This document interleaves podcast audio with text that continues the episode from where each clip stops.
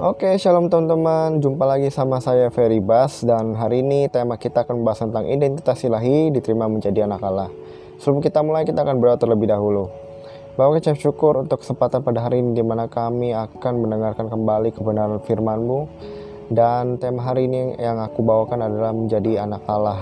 Kiranya apa yang kusampaikan sesuai dengan kehendak-Mu ya Bapa dan semua yang mendengar pun juga mengerti dengan bahasa sederhana yang kusampaikan di dalam nama Yesus kau berkati semua yang mendengar dan aku yang akan menyampaikannya. Amin. Oke, hari ini kita akan membahas di Galatia 4 ayat 5 sampai 7. Di sini perikopnya berkata tak ada lagi perhambahan. Oke, di ayat 5 dikatakan ia diutus untuk menebus mereka yang takluk kepada hukum Taurat supaya kita diterima menjadi anak. Oke. Yesus datang sudah tentu menjadi uh, mahakarya Allah yaitu menebus kita dari dosa-dosa kita. Bukan hanya itu, di situ dikatakan yang takluk kepada Taurat, hukum Taurat. Artinya yang lama yang kita lakukan perjanjian lama adalah hukum Taurat telah ditebus oleh Yesus atau lebih tepatnya digenapi oleh Yesus supaya kita juga tidak lagi menjadi hamba dari perbudakan, perbudakan dosa dan juga hukum Taurat yang tidak bisa kita lakukan. Oleh karena itu, kedatangan Yesus itu menyempurnakan Taurat supaya apa yang tidak bisa kita lakukan digenapi oleh Dia. Dan di situ dikatakan kita juga diterima menjadi anak. Artinya kita beralih dari hamba yang berdosa, hamba yang istilahnya cuma statusnya cuma hamba Allah saja.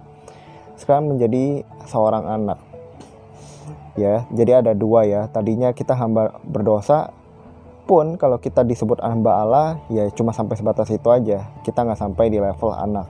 Tapi kali ini berbeda. Kedatangan Yesus itu membuat kita menjadi anak. Luar biasa sekali ya. Dan di ayat 6 dikatakan dan karena kamu adalah anak, maka Allah telah menyuruh roh anaknya ke dalam hati kita yang berseru ya Aba ya Bapa. Nah ini mempertegas di mana identitas kita yang sebenarnya itu adalah anak Allah. Jadi yang tadinya kita cuma hamba yang melayani Tuhan, tapi Allah begitu luar biasa, Yesus begitu luar biasa, dia mengangkat kita menjadi seorang anak, yaitu anak ilahi. Anak yang benar-benar yang Tuhan sendiri harapkan supaya kita serupa dengan karakternya, yaitu karakter Bapa.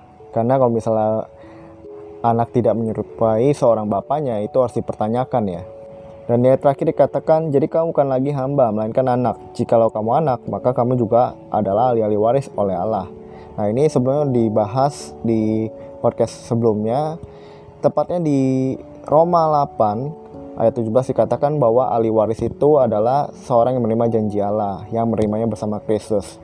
Artinya janji yang kita kita terima bersama Kristus yaitu kemuliaan di kekekalan nanti ya, bukan bicara tentang apa yang ada di dunia janji itu bicara tentang kekekalan. Sebagai tambahan, eh, kita akan baca juga di Galatia 4 ayat 8. Situ dikatakan, dahulu ketika kamu tidak mengenal Allah, kamu memperhambakan diri kepada Allah-Allah yang pada hakikatnya bukan Allah. Nah, di sini bicara pada zaman dulu kita tidak benar-benar mengenal Allah. Yang kita kenal adalah Allah-Allah palsu atau berhala. Tapi ketika kita mengetahui kebenaran Allah yang sejati, kita sudah tidak lagi memperhambakan diri dengan Allah palsu itu atau berhala itu, tapi kita memperhambakan diri pada Allah Bapa. Bahkan setelah kita mendalami apa yang firman Tuhan sampai katakan, maksud saya apa yang firman Tuhan katakan pada hari ini, kita diterima menjadi anak. Ini menjadi poin penting ketika kita menjadi anak, kita harus mewujudkan karakter kita ya seperti Bapak kita. Apakah dalam kehidupan sehari-hari kita sudah seperti Allah Bapa atau Yesus itu sendiri? Loh, bagaimana kak supaya kita bisa menyerupai Bapa atau Yesus? Ya tentu saja dengan kita membangun hubungan intim dengan Tuhan itu sendiri dan kebenaran yang selalu kita baca. Setiap kali setiap kali atau setiap hari kita harus memproses diri kita supaya kita serupa dengan Bapa di surga. Karena Allah begitu sudah luar biasa menyebut kita sebagai anak. Seharusnya ya kita sadar diri dan sadar betul ketika kita sudah tahu identitas ilahi kita yaitu adalah sebagai anak ya kita harus menyerupai bapak kita yang tadinya kita sering emosian sekarang kita udah mulai sadar aku anak Allah harusnya aku tidak begini aku harus berubah yang tadinya kita suka berbohong kita harus sadar diri bahwa kita adalah anak Allah Harusnya seorang anak seorang anak Allah harusnya tidak berbohong, tapi mengucapkan kebenaran. Yang tadinya pikiran penuh dengan dendam, benci, iri hati, semua itu jadi berubah karena kita sadar kita anak Allah. Harusnya kita penuh dengan kasih dan kita benar-benar seperti Bapak kita yang penuh dengan pengampunan juga. Apakah kita benar-benar sadar bahwa kita anak Allah? Bukan hanya teori saja ya, tapi karena kebenaran ini kita sadar betul bahwa kita adalah anak yang benar-benar diakui oleh Tuhan sendiri. Karena di ayat 6 dikatakan demikian. Jadi jangan sampai kita ragu akan identitas kita, jangan sampai kita bingung lagi untuk apa kita di dunia, siapa kita di dunia. Kita harus sadar betul bahwa kita sejatinya adalah anak Allah di dalam roh dan kebenaran. Ketika kita tahu identitas ilahi, kita yaitu adalah anak Allah, berarti kita tahu apa tujuan kita di dalam kehidupan ini, dalam bumi ini. Dan sejatinya tujuan akhir kita ya tentu saja menuju kekekalan bersama Bapa. Suatu saat kita akan melepas semua penderitaan kita di bumi. Suatu saat kita akan mengakhiri perjuangan kita yang ada di bumi dan kita akan bertemu lagi dengan Bapa kita di surga. Untuk itu perjuangan kita harus kita lanjutkan sebagai anak Allah. Kita adalah duta Bapa di surga dalam dunia ini. Apa pun yang kalian lakukan, apa pun yang kalian kumpulkan, tetap kerjakan itu sampai kita bertemu jumpa dengan Bapa di surga. Dan saya berdoa juga supaya setiap orang yang mendengar ini yang mengalami krisis identitas sudah tidak mengalami hal itu lagi. Dia sadar betul bahwa dia adalah anak Allah.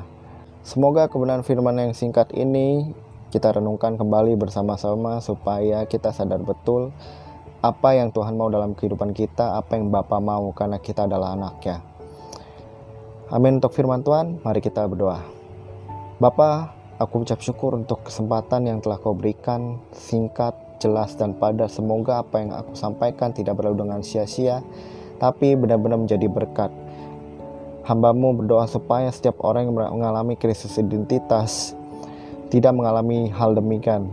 Roh Kudus membantu supaya mereka menyadari bahwa mereka adalah anakmu dan aku adalah anakmu Aku adalah hambamu yang sejati, tapi juga aku adalah anakmu, ya satu-satunya yang telah kau akui Tuhan.